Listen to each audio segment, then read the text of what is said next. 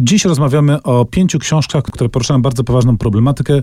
Książkach poświęconych ludziom wykluczonym z tego czy innego powodu w tej czy innej części świata. I pierwsza z nich to reportaż, który powalił mnie z nóg.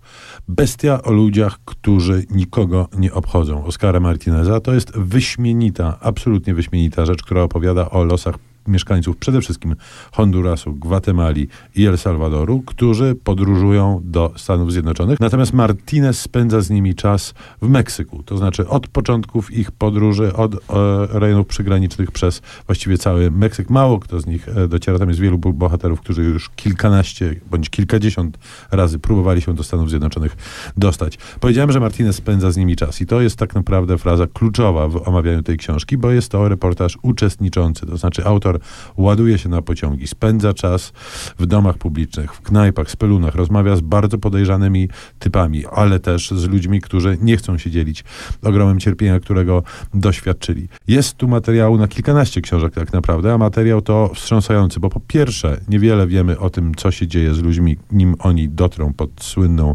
trumpowską ścianę. Po drugie uderzające jest to, że nie wiemy nie bez powodu. To znaczy te historie są wypierane przez media i opinię publiczną, a często często ludzie, którzy te historie w sobie noszą, nie do końca potrafią się nimi podzielić, bo e, nie chcą mówić, nie ma nikogo, kto by ich wysłuchał. Martinez rzeczywiście odwala tu absolutny, e, wstrząsający kawał reporterskiej roboty. Drugą nowością, która przynosi nas zupełnie inne strony świata, ale dotyczy także ludzi wykluczonych, jest książka pod tytułem Tajemnice Korei Północnej, napisana przez Daniela Tudora i Jamesa Persona.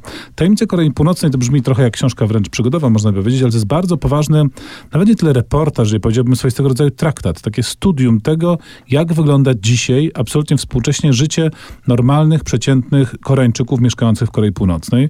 Autorzy, znawcy tematu zauważają, że my zwykle myślimy o nich jako o takiej armii robotów posłusznych przywódcy, który w absurdalny sposób wpuszcza tych ludzi w jakieś działania, ludzi, którzy nie robią nic, tylko tkwią na swoich stanowiskach bądź umierają z głodu. Oczywiście nie ma cienia wątpliwości, że sytuacja Koreańczyków z północy jest absolutnie dramatyczna, ale oni przecież żyją. Oni przecież coś jedzą, jakoś spędzają czas, jakoś szukają rozrywek, jakoś próbują wymknąć się poza system i faktycznie ta książka pokazuje nam taką codzienną, prawdziwą rzeczywistość, opartą na bardzo wnikliwych studiach i rozmowach z, z bardzo wielką ilością ludzi.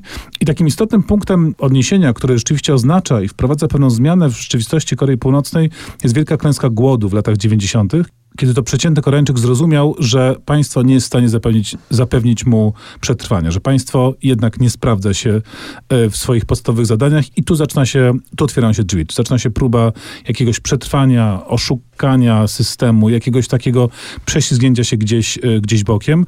Ludzie wykluczeni jakby z punktu widzenia światowego, ale także wykluczeni we własnym państwie jakoś sobie radzą. Interesująca, bardzo rzeczowa książka. Czas na krótką przerwę muzyczną. Alan Silvestri z filmu Jakże na temat Meksykanin.